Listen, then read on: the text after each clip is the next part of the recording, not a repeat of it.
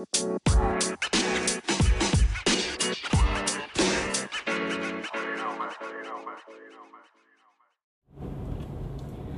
guys, Hoppers Family, gimana kabarnya? Semoga kalian semua sehat-sehat selalu dan semua dalam keadaan sehat dan diberkati Tuhan. Dan hari ini kita membahas sebuah tema, sebuah topik yang nggak kalah menarik tentang relationship.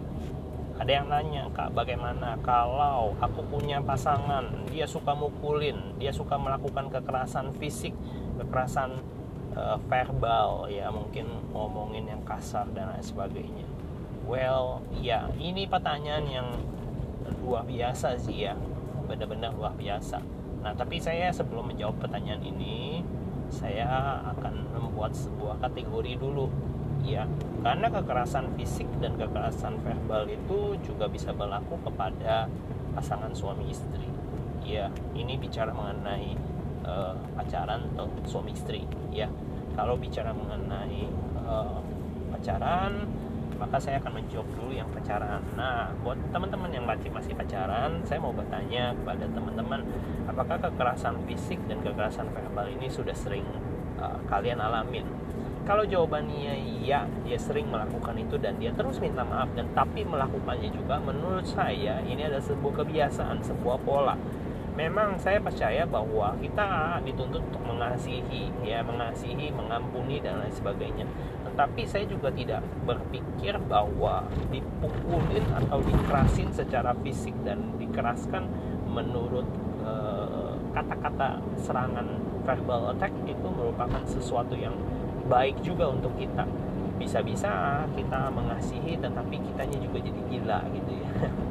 Jadi menurut saya ada baiknya saudara untuk mempertimbangkan kembali hubungan anda ya.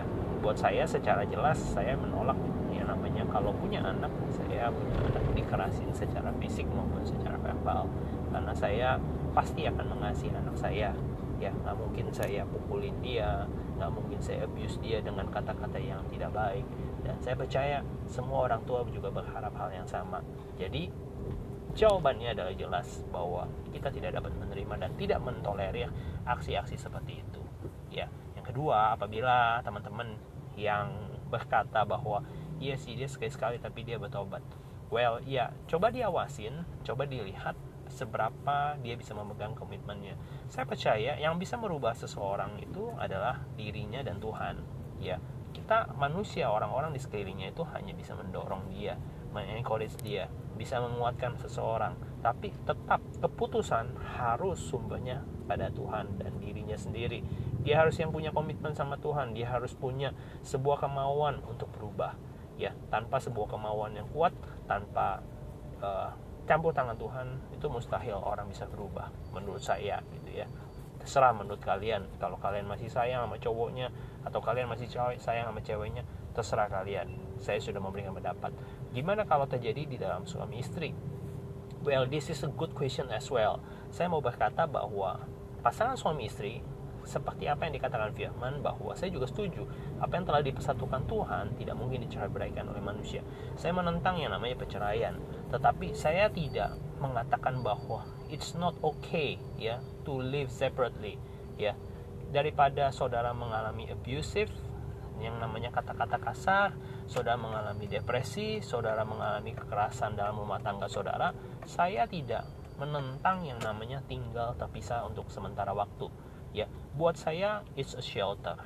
Ya buat saya gitu ya. Lebih baik anda mengungsi untuk sementara uh, temukan sebuah tempat di mana anda dinaungi dilindungi dan segera hubungin konselor pernikahan anda. Supaya apa? Supaya kalian bisa didoakan. Ya tetap saya mengencourage bahwa kita mengupayakan dan kita mendoakan. Ya kalau misalnya terjadi ulang dan ulang ulang dan ulang ya seperti tadi saya katakan bahwa memang kita tidak pernah bisa memaksakan semua kehendak. Semua kehendaknya terjadi atas kemauan kita. Tapi living separately to gain peace it's far more far more better gitu ya.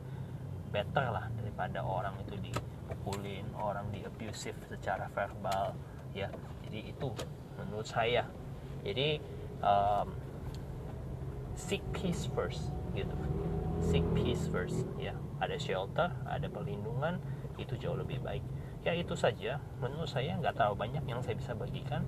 Saya tidak menyetujui orang dipukul. Saya tidak menyetujui orang itu di di abuse dengan secara verbal ya. Dikata-katain direndahkan dilecehkan ya. Baik secara verbal atau apa pun menurut saya itu sebuah sebuah tindakan yang sangat-sangat harsh ya sangat-sangat kasar. Ya kita harus melihat bahwa semua uh, dari kita itu equal sama gitu ya.